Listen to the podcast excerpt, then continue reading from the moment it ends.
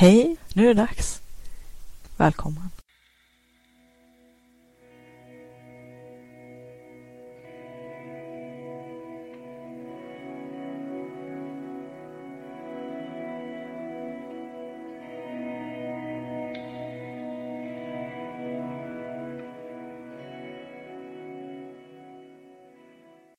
Vill du uppleva mera kreativitet och flow, få mer kvalitetstid till ditt skapande och kreativa liv, mer energi och lust, tillgång till dina kreativa superkrafter? Då har du kommit helt rätt. Välkommen till Kreativitetspodden. Hoppas att du ska ha en trevlig lyssning. Hej och välkommen till Kreativitetspodden avsnitt 36. Det här avsnittet ska handla om när motivationen sviktar. Jag tänkte först bara ta skillnaden mellan att säga när motivationen sviktar och motivationen sviktar. Om man tänker på de två helt olika sätten att säga en sak, egentligen två helt olika saker. När man säger när motivationen sviktar så förstår man att det är någonting som händer, att det kommer att hända. När man säger motivationen sviktar, då kan man nästan misstänka att motivationen inte har funnits från början. Och egentligen kanske det är ett bra avstamp i det här avsnittet om vad man gör när motivationen sviktar. Man kanske måste först ta reda på ifall att man egentligen ens har någon motivation till just det som man tycker sig vilja, skulle, borde. Om det är något mål som man har satt upp eller som någon annan har satt upp åt en. Det är ju inte alltid som alla mål är våra egna. Målen kan ju komma från en massa olika håll en del mål är ju satta av samhället och utav skolan och utav ens arbete och sådana här saker som vi som vuxna förmodas göra i livet. Och det kan ju vara vettigt och bra. Och ibland måste man mecka sig runt att man kanske inte alltid känner jättestor lust till de sakerna. Och att eh, det är ju ett sätt att kanske försöka jaga efter en motivation som ibland kan vara lite svår att hitta. Men det är en väldig skillnad mellan motivationen man har för mål som man själv har innerst inne, sina egna inre mål och de yttre externa målen alltså som kanske familj, partners, anhöriga, barn, samhälle, skola, arbete och så vidare och så vidare sätter på oss eller ställer på oss. Och många av de kraven är fullt rimliga och fullt vettiga. Vi bör betala skatt. Vi bör ta hand om våra barn och sörja för dem. Vi bör försöka klara oss själva så gott det går. Det är i alla fall min uppfostran att eh, försöka klara sig själv. Ibland kanske min uppfostran har gjort det lite i överkant så att eh, jag hör till en norrländsk släkt som sällan söker hjälp, sällan uppsöker sjukhus frivilligt och det kan vara både dumt och farligt. Speciellt om man drabbas av allvarliga sjukdomar. Man kan gärna lyssna tillbaka på avsnitt 34, tror jag det är, när jag berättar om vad som hände med min förmodade levertumör. Och det var ju några år som jag var ganska sjuk, men eh, till slut blev jag tvungen att söka hjälp när det helt enkelt inte gick längre.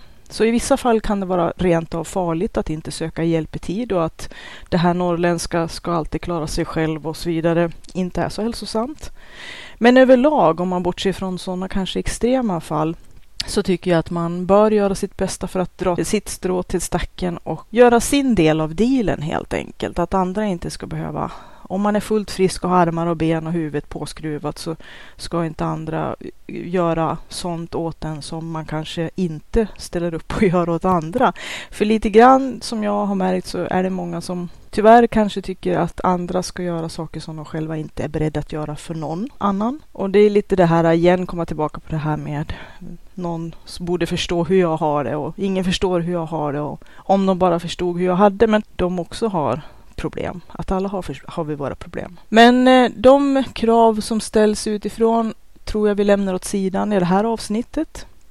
Eftersom att det egentligen inte handlar om de krav som samhället ställer på oss och den motivation vi måste försöka hitta att göra de saker som vi ska och bör. Utan eh, jag tänkte mera på det här eh, kreativa perspektivet. Och här är det ju lite olika sätt som det här med att sätta mål för sig själv eller ha drömmar och visioner och vilja saker kontra motivation att fullfölja och motivation att gå i mål, kanske med vissa saker som man hoppas och vill, verkligen vill. De grundläggande och kanske underliggande drivkrafterna till varför vi vill olika saker och så. Att ibland kan ju det vara ett bra sätt att försöka hitta till den här motivationen som sviktar ibland. Varför vill jag det här i grund och botten? Och då har jag egentligen två olika tekniker som jag tänkte berätta om idag. Den ena tekniken tar avstamp i just det, att någon gång, någonstans, när vi hade en vision, en dröm, någonting vi ville förverkliga som blev kanske ett mer eller mindre konkret mål som vi kanske har skrivit ner eller tänkt för oss själva jättelänge. Ett bra tips är ju naturligtvis att sätta sig ner med sig själv och skriva ner olika sådana mål och ha lite tidsplaner och kanske sätta lite deadlines och så som jag pratade om i tidigare avsnitt. Det här är någonting helt annat. Det handlar om att när man just har satt sig ner med sig själv, när man är sådär brinnande engagerad och har tänkt att nu, nu, nu ska jag sätta igång med det här projektet, vilket det nu är. Om det handlar om att skriva boken vi har drömt om i hela vårt liv att få, få, författa, få författa, eller om det handlar om att starta den här verksamheten som vi har drömt om i, i jämt. Och gått och tänkt på och pratat om och önskat och också haft en massa visioner kring. Eller vad det nu är, det kan vara stora som små saker, men kanske mera saker som är i ett pågående, alltså som kräver en ganska lång sträcka. Projekttiden är ganska lång så att det är lätt hänt att motivationen kommer att svikta någon gång. Och att det kan vara svårt att eh, riktigt uh, hitta tillbaka till den. Och då tänker jag så här, när man sitter i de här, eh, om man kunde beskriva den känslan, när man verkligen känner hur hela kroppen vibrerar utav oj vad jag vill det här så himla mycket och nu, nu 17 ska det bli av, nu ska jag göra det. Jag sätter mig ner och skriver ner det här eh, som jag har tänkt på så himla länge och som jag nu jag bara sjutton ska göra så kan man ju också, tycker jag, göra sig själv en tjänst och skriva ner alla de drömmar och tankar, visioner och den här, den här starka entusiasmen, det här som har, som har drivit oss fram till det här att sätta oss ner och vilja det här och skriva ner det på ett papper som ett tänkt mål, ett kreativt mål. Skriv ner allting som det här målet, den här drömmen, den här visionen har eh, framkallat i dig och hos dig, i dina tankar och dina känslor. Och varför varför vill du det här? Vad har du tänkt att det ska leda till? Att eh, skriva ner rubbet, alla de positiva sakerna. Vad du ska uppnå, vad du vill att det ska leda till och hur du har tänkt att det ska utveckla dig och ja, allt, allt, allt som jag inte kan räkna upp i den här podden för då skulle avsnittet bli himla långt. Men jag tänker alla de här sakerna som gör att du känner riktigt hur du vibrerar av lust att göra det här. Att du, du verkligen, åh vad jag vill det här. Skriv ner allting i de här inledande stadierna när man kanske har den här smekmånaden med sitt projekt. Så där i uppstartsfasen, i den här äh, visionära fasen då när man sätter sig och skriver ner målen och tankarna kring, gör en tidsplan och funderar hur man ska åstadkomma det här steg för steg konkret. Men också just det här, skriv ner, gör en speciell lista med allt det som gör att du brinner för det här, verkligen brinner och verkligen vill det här. All din entusiasm, fäst det på papper. Du kommer att tacka dig själv sen längre fram. För de dagarna är det tungt, det här var ju en jättekorkad idé. Hur kunde jag tro? Eller hur kunde jag vilja? Eller vad tänkte jag med det här? Och nu har jag så mycket att göra och jag är så trött och det är november och det regnar och det är kallt och det är blött och det är hemskt och det är mörkt. Hur kunde jag egentligen tro eller vilja det här? Eller när de yttre kraven, kanske också från de som skulle egentligen vara vår supportklubb men som inte alltid är det för att de inte räcker till själva eller för att de inte har riktigt förstått eller för att de kanske helt enkelt inte bryr sig eller för att det stör deras fördelar utav att vi inte sysslar med det här helt enkelt. För det blir lite mindre kaka till dem då, kanske, eventuellt. Det handlar ju om prioriteringar och det handlar lite grann om att fördela sin tid och energi. Men då tänker jag att skriv ner allt det här som gjorde att du kände det här är verkligen det jag vill, det jag måste göra för att kunna se mig själv i ögonen om ett eller tio eller femton år eller då när jag sitter på hemmet i gungstolen så att jag verkligen har gjort det som jag verkligen ville och inte, inte kommer i den här sitsen av att ha kommit att göra en massa saker, låna mig till en massa saker som faktiskt bara var distraktioner eller tidsfördriv eller saker som andra ville eller som jag bara hängde på men som inte ledde till det jag egentligen behövde göra eller ville göra eller drömde om. Måste göra.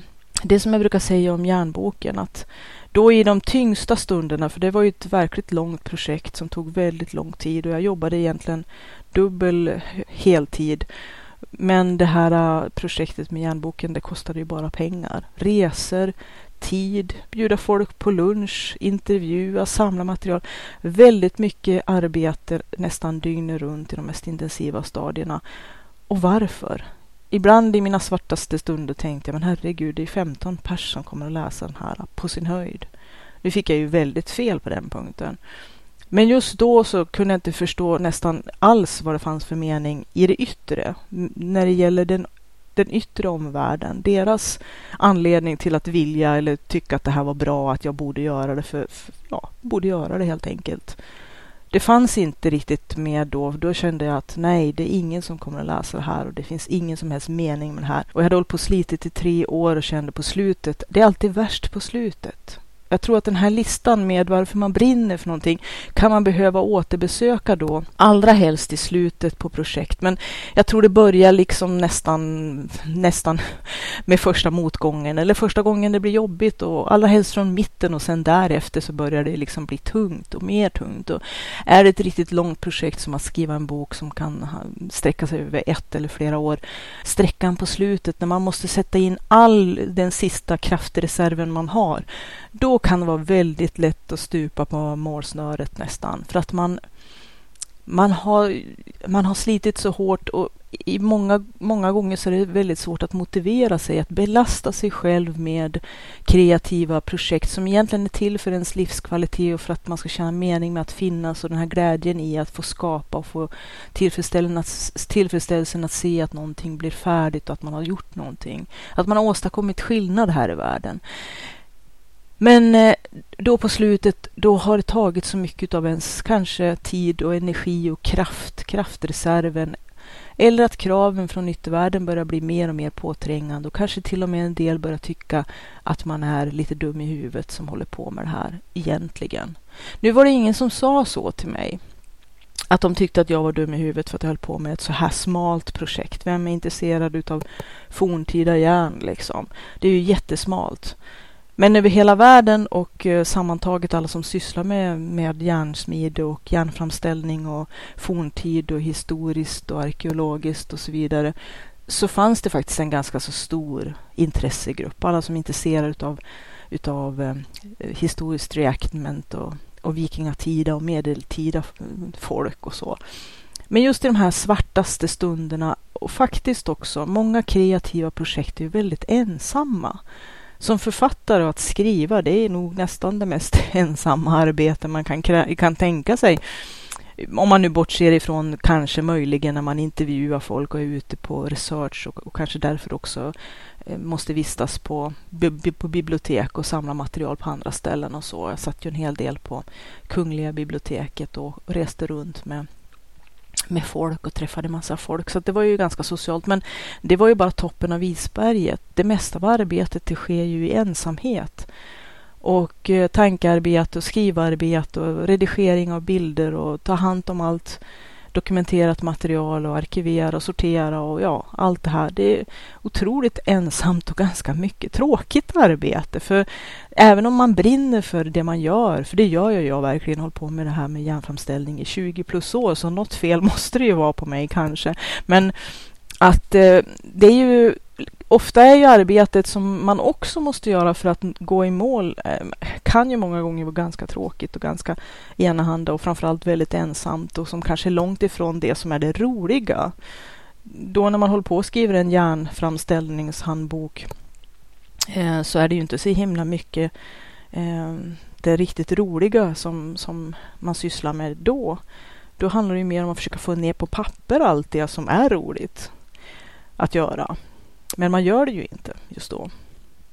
Men det kanske är ett litet eget exempel. Just skapande i sig kan ju vara fantastiskt kul då när man ägnar sig åt det renodlade skapande och det renodlade kreativa arbetet. Det har jag nästan aldrig haft egentligen något problem med. Då bara flyger tiden och man tittar upp och tänker Gud, har, har klockan blivit så mycket? Och her, herre min ger liksom. Att eh, ibland hamnar man i flow och det är det som är så himla härligt när man liksom, det bara svischar till och man tänker, men gud, vad händer här nu? Jag vet inte ens vad tiden tog vägen eller vad sjutton, vad, vad, vad är det som pågår? Har hamnat i någon slags tidmaskhål eller någonting eh, skumt. Men eh, alltså det är då det är så himla häftigt att skapa och vara kreativ. Då när man verkligen är i det kreativa arbetet. Men att sätta igång och att fortsätta hålla på och att motivera sig även när det blir riktigt tungt. Och då framför allt då när de här yttre kraven och de här eh, sakerna, omständigheterna som man har runt omkring en som kanske inte alltid samarbetar, inte spelar i samma lag.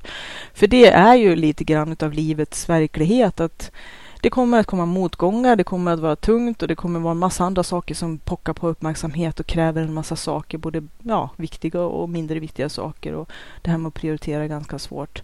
Och det är ju det mest tunga är ju då när kanske ens nära och kära och anhöriga och andra kanske ifrågasätter varför man håller på med det här och kanske till och med förminskar det, förklenar det och får en att känna sig dum och dum i huvudet och knäpp och så vidare kanske. Eh, att eh, de kanske gör löje av en för att man sysslar med någonting som är väldigt smalt eller som är väldigt eget eller som är någonting som kanske de känner sig hotade av eller som kanske påminner dem om att de kanske inte sysslar riktigt med det de egentligen borde och så vidare. Jag har pratat om det i tidigare avsnitt. Vad än skälen är så kan det ibland bli att man känner nej, herregud, hur ska jag orka? Hur ska jag fortsätta vilja det här när det är så mycket som går emot mig eller andra som inte riktigt samarbetar med mig eller verkligheten inte samarbetar med mig. Jag får inte det support och det stödet och, och jag känner att eh, det kanske är helt meningslöst. För det var ju många sådana känslor jag tänkte att eh, vad håller jag på med? Det här är ju helt meningslöst. Det är ingen som kommer att bry sig det är bara 15 personer som kommer läsa den här på sin höjd. Vad är det för idé liksom? Hur kan man ägna så här mycket tid på heltid så många år till någonting som faktiskt nästan inte någon kommer att egentligen ha någon nytta eller glädje av och så vidare. Och så vidare. Den här negativa självpratet som jag också pratade om i tidigare avsnitt kan ju vara oerhört starkt. Förutom att man kanske har en omgivning eller en yttervärld som inte heller är så himla samarbetsvillig eller kanske till och med direkt fientlig.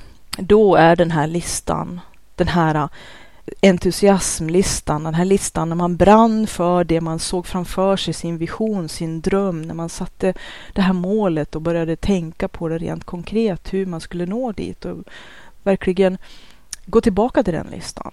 Läs den så fort det blir tungt och komplettera. Skriv nya grejer varje gång du kommer på något nytt, någon ny anledning till att det här faktiskt är bra, att det här är viktigt och att det här är viktigt för dig. Och om du ska sitta på hemmet och inte och, och, och slippa ångra dig, då, då ja, skriv ner allting som gör det här till någonting oerhört stärkande. Ett, ett dokument som, som du kan ta fram, antingen i pappersform eller en anteckningsbok eller i datorn, en, en fil i datorn.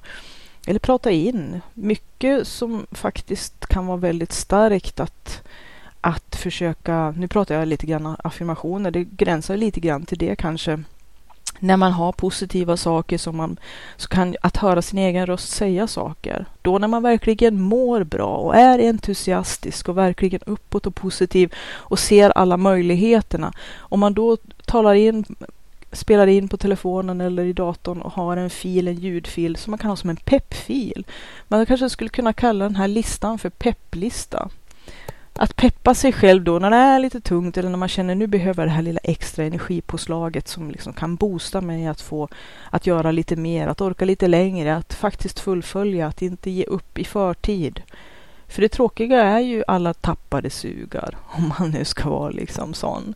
Att det finns ju väldigt, väldigt många tappade sugar. Och vad de beror på, ja det finns ju en massa skäl, men vi kanske måste inse att vi kommer inte att uh, bli eh, fram eh, skjutsad utav hejarop och supportgrupper och alla runt omkring oss som kommer att uh, vara ohejdat och ogenerat jättepositiva hela vägen och liksom heja på oss. De kanske gör det ibland om vi har tur. Alla har inte tur och, och har det så, men då måste man tro på sig själv och man måste driva sig själv och motivera sig själv. För att man kan, som jag också pratat om i tidigare avsnitt, faktiskt inte bero på andra när det kommer till att försöka hitta den här drivkraften, den här energin. Vi har den inte varje dag och jag har också svårigheter. Vissa dagar som, som jag har sagt tidigare så ja, det är en pissdag rent ut sagt, en skitdag. Och man liksom tänker, nej, det är inte min dag idag. Men imorgon är en ny dag. Och även om den inte heller blir så bra så tänker jag, imorgon är en ny dag. Men ibland när man känner att är det verkligen meningen? Är det vettigt att hålla på med det här? Vad var motivationen till att jag ens ville det här från början? Ibland kan det efter en lång resväg bli när det börjar bli riktigt tungt så kan det vara svårt att förstå hur tänkte jag egentligen när jag började med det här? Hur kunde jag vara så galen att jag satte igång med det här? Och nu är ju inte jag främmande till att eh, faktiskt eh, ändra planer och att modifiera planer och de här äh, målen och tidsplanen och deadlinesen, det är ett work in progress som med allt kreativt arbete. Det kommer att komma till saker, det kommer att tas bort saker, det kommer att modifieras, man kommer att tänka i nya banor och tänka om och framförallt tänka mer, få mera perspektiv och mera facetter och fördjupad, bli mer fördjupad och mer, det kommer alltid att bli mer komplext när man liksom går in i saker på djupet verkligen. Det kommer, det kommer att öka både på bredden och på djupet. Så att många gånger som jag har svårighet med och som jag tror att ganska många kreativa människor har svårighet med, det är att begränsa sig. Att, att, det låter som en väldigt negativ sak att säga, att begränsa sig. Men att, att begränsa området som man ska jobba med. Det som, så det är väldigt lätt att komma på sido spår och sidolinjer och kanske fastna i prokrastinering eller i, i att researcha analysis paralysis, liksom. Att man, man sitter och tänker och skriver och researchar alldeles för mycket och aldrig egentligen kommer till skott, utan det blir lite grann också som en... I längden så blir det ett sätt att förhala och att försena eller att självsabotera. Att man gömmer sig lite och är lite för rädd så att man liksom sysslar med en massa saker som man intalar sig. Det här är också viktigt eller det här ska jag också göra eller det här behövs också göras, men att fokus lätt hamnar på fel saker. Men att har man den här, de här listorna då, dels en lista över vilka kanske större mål på kort, mellan och lång sikt man har, de tidsplaner och de deadlines som man har och den här pepplistan med varför jag i, i hela världen egentligen ska syssla med just det här som jag från början drömde och brann så hårt för. För att kunna fortsätta brinna och och fortsätta arbeta med det här äh, så mycket som man faktiskt från början när man gick in i det verkligen ville. Att försöka hålla kvar den känslan och att kunna återbesöka sig själv och de tankar man hade då för att helt enkelt peppa upp sig och återförstärka sin äh, anledning att vilja fortsätta kämpa och att se äh, lite mer i klar, klartext vad som var meningen och nyttan med den här glädjen. För att har vi ingen supporterklubb som berättar för oss varför vi sysslar med olika saker så får vi vara vår egen supporterklubb och att om det inte är någon annan som berättar för oss att det här är himla bra, det här ska du absolut fortsätta med, du är inne på rätt spår och det är utav rätt skäl och det är därför du ska syssla med det här eh, när det börjar bli tungt. Om du inte har någon som säger det till dig, några nå yttre omständigheter som fortsätter att driva dig framåt, för om man ska vara lite krass så faktiskt de här yttre omständigheterna som vi kanske drömmer om som ska driva oss framåt, eh, som ska locka oss att bli motiverade, de finns oftast inte. Och om de finns så är de externa, de är yttre på det viset att de funkar lite grann tillfälligt och kortsiktigt. Att vi, om man tänker som en extern grej som kan locka, dig kan ju vara till exempel belöningar eller att bli att man ska få um, ja, att man ska uppnå olika saker som kanske man ska tjäna på inom citattecken. Det låter kanske lite fult, men belöningar eller saker som, som eh, man får utav yttervärlden ifall att man inom citattecken gör rätt eller uppnå sina mål. Det kan ju vara på arbetsplatsen också att ens chef säger att på utvecklingssamtal och så som säger att nu om du bla bla bla gör det och det och det här och det här och det här som, så kommer det och det att hända och det är jättebra för dig och så där och det, det är det absolut säkert. Men om du inte innerst inne själv vill det eller har den här inre drivkraften att faktiskt vilja det förutom att bara casha in belöningar och bekräftelse och beröm. Eh, vilket inte är fel eller, en, eller någon nackdel i sig. Det är bara det att det är ganska kortsiktigt och att det, liksom effekten sitter inte i så länge. Och det är det som är skillnaden mellan externa, extern motivation och intern motiva, motivation. Att den externa som är liksom då belöningar och bekräftelse och beröm, det är jättefint och det behöver vi ha. Mm, vi kanske är för dåliga med att ge det framför allt. Många tycker kanske att de inte uppskattar det, men jag brukar tänka vänd på frågan. Hur ofta uppskattar du andra?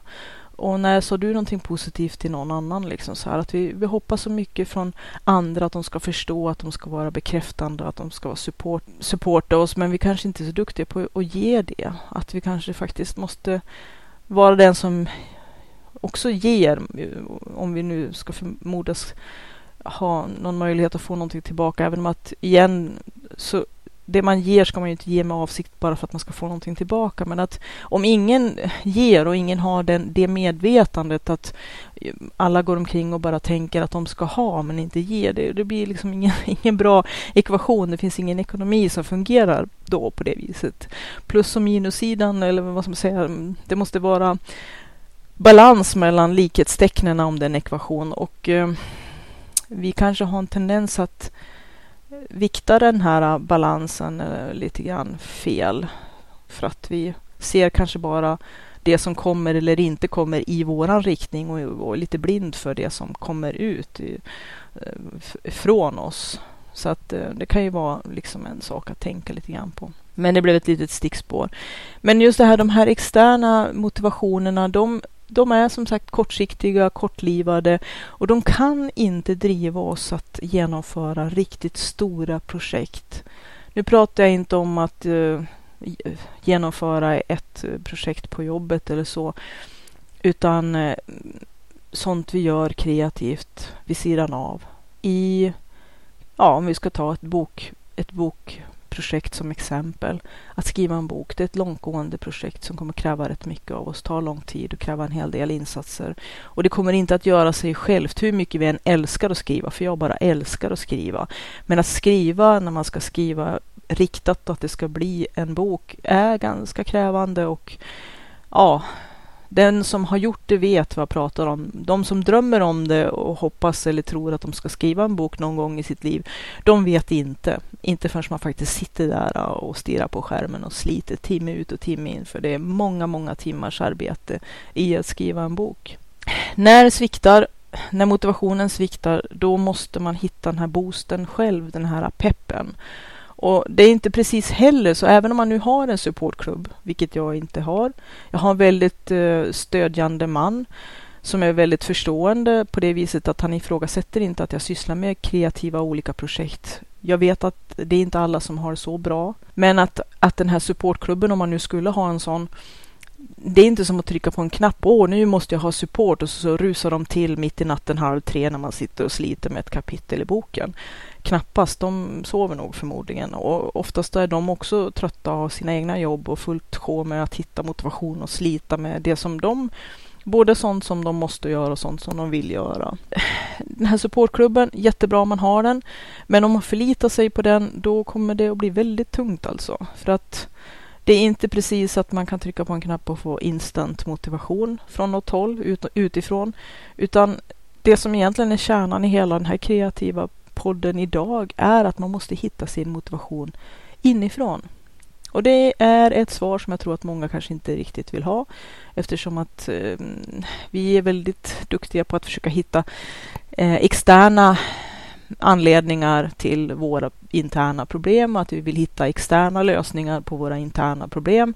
Men att eh, faktum kvarstår att eh, anledningen till våra egna problem oftast går omkring på våra egna ben. Och nu kanske alla som har problem de inte rår för, psykisk sjukdom och mental ohälsa och en massa saker. Jag räknar inte er, utan jag menar de som faktiskt går omkring och kanske är lite gnälliga för saker som de inte behöver vara gnälliga för eftersom att det inte är så himla stora problem som de har. Men att vi är väldigt duktiga på att hitta ursäkter och gömma oss bakom en massa saker. Att vi inte har tid och att vi inte hinner och att vi är trötta och det ena med det tredje. Sen kanske vi sitter och tittar på TV och håller på och slösurfar och är uppe sena nätter framför internet och håller på med massa distraktioner och bullshit rent ut sagt. Och sen är vi jättegnälliga för att vi är trötta och tycker att ingenting fungerar och att vi inte gör det vi egentligen borde och att vi blir så besvikna på någonting. Men att egentligen som sagt problemen går omkring på våra egna ben. Och att här har jag ju också pratat om att man kanske måste sätta sig ner med sig själv med kanske en tidsdagbok eller tidskassabok för att liksom spåra anledningarna till att man är för trött och inte har tid eller att man blir omotiverad. Vad är det som får mig att bli låg? Att eh, köra det en vecka eller en månad eller över ett helt år för att eh, liksom hitta mönstren, förstå sig själv bättre och börja jobba med de sakerna. Om man nu ska liksom renodla det hela när det bara handlar om ett projekt som man jobbar och brinner för. Ha den här listan som man har skrivit när man brann som hetast då i de här, äh, i, i smekmånaden, när man liksom såg bara alla möjligheter och alla positiva effekter och allt man ville och drömde om. De sakerna, släng ner det på papper medan ni har det kvar, medan det finns aktivt och aktuellt i huvudet. För sen när de tunga, svarta, mörka novemberdagarna kommer, då behöver ni den där listan för att påminna er. Att bara man kan läsa den här listan och påminna sig så kan man hitta den här gnistan igen. I alla fall förstå motivationen och kanske också lite grann få ett vapen, en slags ammunition mot sitt negativa självprat och kanske också mot andras negativa prat. Och eh, motivera sig att eh, prioritera bättre och att inte lägga ner massa tid och energi på saker som bara gör oss trötta och låga och, och som inte tillför så mycket utan skippa det och istället sikta in oss på att hårdare prioritera tid för det som vi faktiskt är här för att göra. För någonstans om man ska vara liksom lite mera högtravande, kanske fel ord, men eh, kanske tänka i lite högre, högre upp.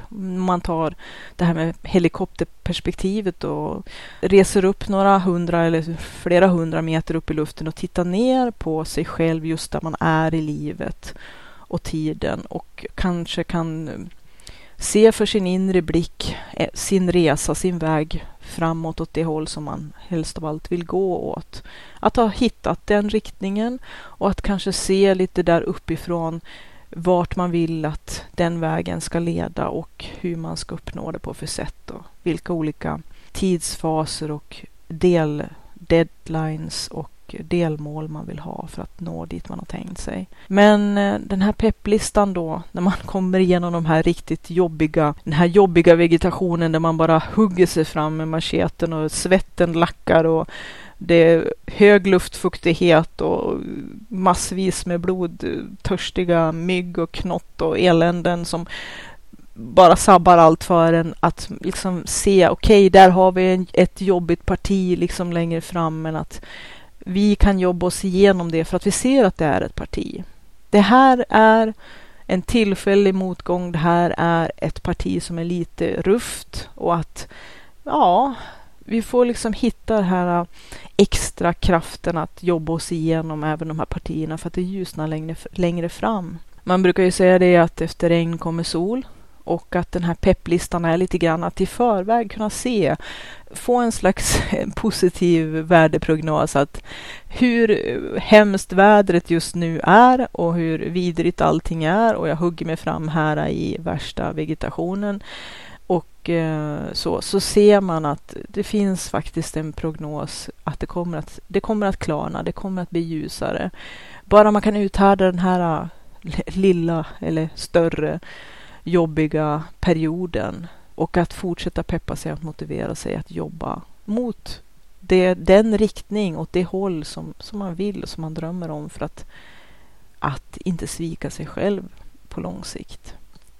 Men för att återgå till det här med eh, helikopterperspektivet och kanske lite högtravande, men att eh, vad vill jag ha åstadkommit den dagen sista kapitlet skrivs? Det låter kanske lite ja, kanske lite, lite tufft.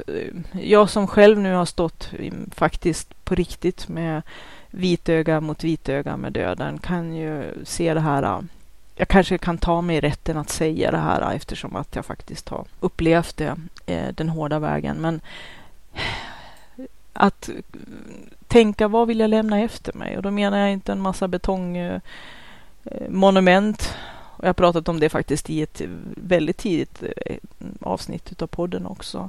Men eh, vad vill jag att andra ska komma ihåg mig för? Och det tror jag de allra flesta kan enas om att ingen ligger på dödsbädden och bekymrar sig över att man tillbringade alldeles för mycket tid på kontoret. Förhoppningsvis inte. Det är inte det som kanske är ens liv. Leva måste vi och äta måste vi, betala hyran måste vi absolut. Så missförstå mig rätt. Men att eh, gömma sig bakom att eh, man inte orkar eller så kan kanske vara ett, ett eh, wake-up call, en, en larmklocka. Titta på hur du använder ditt liv.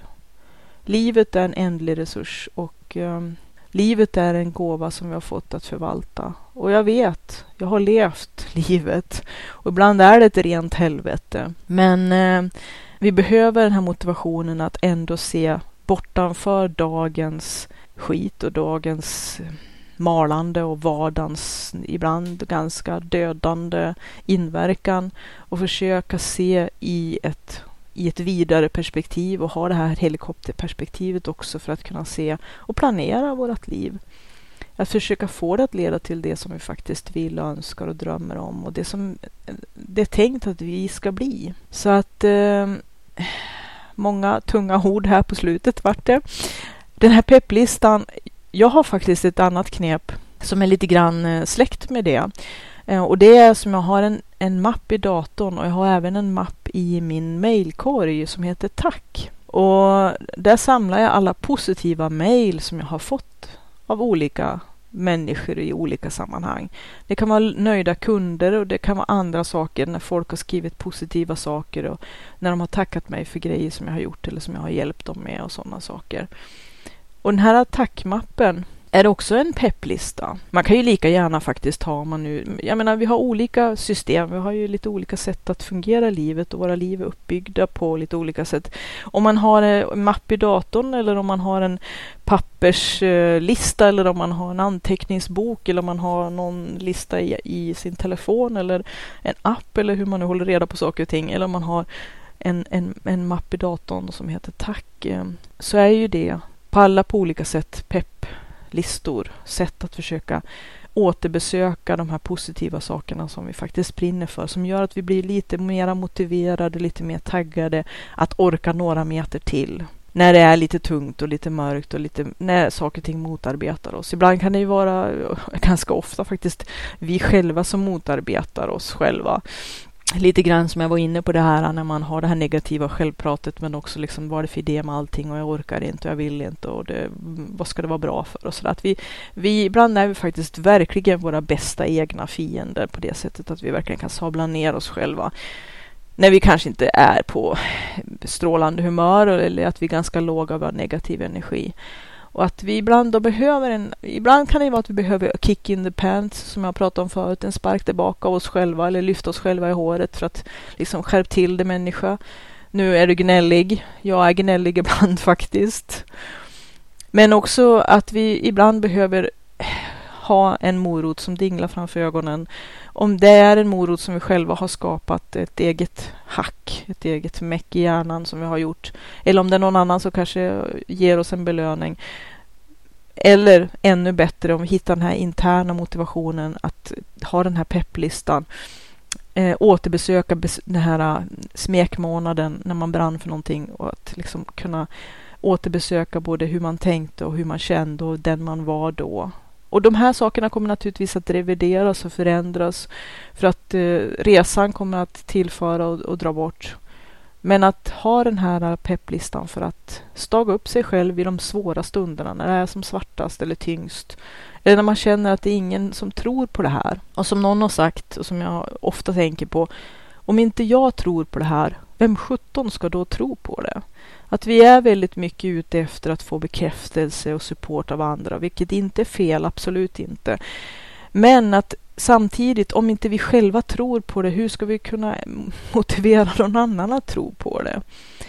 Och det här är ju någonting som jag tror är nästan grundproblem i mycket av det som är så svårt.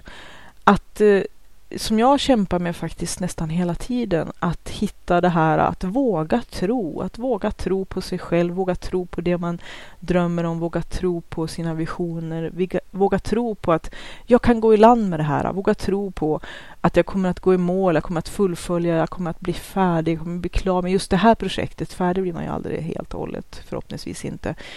Också kanske i den här pepplistan skriva hur man definierar att ha lyckats med det här projektet. Igen då som förra avsnittet, det här med smart, att det ska vara mätbart, att man ska kunna förstå att ja, jag gick två kilometer idag, eller jag skrev det här kapitlet, eller det här avsnittet, eller den här, det här stycket, eller den här, de här 350 orden som jag har som mål att skriva den och den tidpunkten, eller vad man nu har, hur man nu har byggt upp sitt system på för sätt att kunna se också när räknar jag det här som en succé för mig själv? Och det här är ju viktigt att uh, ta med i beräkningen. Inte när omvärlden, inte när omvärlden kommer att hylla oss. Förmodligen kommer de aldrig att hylla oss. Och man kan inte bli profet i sin egen stad som de brukar säga. Och vi kanske förmodligen inte kommer att skriva en bestseller som kommer att ge miljoners miljoners med, med kronor och vi kommer inte bli tapetserade som stora affischnamn på alla husväggar och alla bussar och alla tunnelbanor. Det är ingenting jag drömmer om i alla fall. Det skrämmer mig faktiskt fruktansvärt att tänka på sådana saker och det kan vara anledning till att nästan inte vilja skriva en bok överhuvudtaget för mig. Men att ändå ha en liten, några olika punkter. Vad räknar jag som en framgång för mig? När känner jag att jag har gjort det jag skulle, att jag nådde i mål och att jag får den här lilla belöningen för att jag faktiskt eh, gick i land med det här. Och det kan ju vara allt ifrån att har sålt boken i hundra exemplar eller fått den uppläst i någon podd eller jag vet inte. Hitta dina egna sätt att definiera vad det innebär för dig att ha gått i mål och uppnått det du har drömt om. För mig med järnboken var det faktiskt väldigt enkelt. När jag tänkte efter riktigt djupt så var det faktiskt det att om jag inte gör det här som mitt hjärta säger att jag måste göra så kommer jag bli hemskt olycklig rent ut sagt alltså. Eh, därför att om man bortser från det här med att svika sig själv, vilket är också ganska negativt sätt att, att uttrycka det. Och egentligen handlar det inte om det, utan att helt enkelt ibland måste man göra saker med hjärnan. Man måste jobba och äta och hitta sätt att betala hyran och, och allt det där. Göra saker med hjärnan är viktigt. Göra vettiga saker, prioritera och, och hela tiden försöka göra rätt saker vid rätt tidpunkt. Säga ja till rätt saker och nej till rätt saker. Men också måste man säga ja till hjärtat. Att man kan inte göra allting med hjärnan och det var någonting som jag hade som en liten käpphäst eller ett sätt för mig, både internt och externt, att kunna motivera varför jag överhuvudtaget skulle hålla på med ett så här smalt projekt. Och det var faktiskt att okej, okay, jag kommer inte tjäna några stora pengar eller inga pengar alls. Det kommer bara kosta pengar förmodligen, vilket eh, jag har nog inte gått plus minus eh, noll än på hjärnboken. Men vissa saker gör man med hjärnan och då kanske eh, motivationen är någonting som kan räknas i kronor eller i i bättre tjänst på jobbet eller sådana här mätbara saker som externt ute i samhället eller gentemot andra människor och ja, enligt de värderingar som råder i det yttre när det kommer till eh, karriär och framgång och pengar kanske gäller. Men vissa saker måste man göra med hjärtat också. Och att det ska, tycker jag, i ett bra liv med en bra balans finnas plats för båda delarna, inte bara saker med hjärnan och inte kanske bara göra saker för att man tycker det är kul eller för hjärtat eller för att flamsa runt, men liksom hitta en bra balans mellan hjärta och hjärna. Och att i vissa fall faktiskt låta hjärtat vara en lika stark motivation och förklaring, om man nu ska behöva ha några förklaringar till sådana saker som man gör med hjärtat för sitt hjärtas skull också. Um, men att nej, jag kunde säga det. Vissa saker gör man med hjärnan och vissa saker gör man med hjärtat. Och det här gör jag med hjärtat för att jag brinner för det. Det är så viktigt för mig. Och gör jag inte det här så kommer jag ångra mig. Jag vill inte sitta på hemmet och ångra mig faktiskt. Skriv din pepplista och ha den tillgänglig och helst ha den tillgänglig hela tiden. Man vet aldrig när de här äh, mörka tankarna kommer när man äh, tycker att allting är värdelöst och meningslöst och att varför håller jag på med det här och är dum i huvudet på riktigt. Ta fram listan, läs den, staga upp dig själv. Se att du är igenom en, en, en ruff äh, spot i terrängen. Det här kan bli lite skyttigt som de säger när man flyger och eh, lite luftgropar på vägen men att vi kommer hugga oss igenom det här och sen kommer det att klarna och solen kommer att skina igen. Vi behöver staga upp oss själva och hitta den här interna motivationen och ibland är det inte enkelt men det finns knep att försöka hitta de här knepen för sig själv. Och det här är ett av mina knep som jag tänkte jag skulle dela med mig av till dig. Lycka till! Ha det gott! Och vi hörs igen. Hej då! Tack för att du har lyssnat på den här podden. Hoppas den var till mycket nytta och glädje.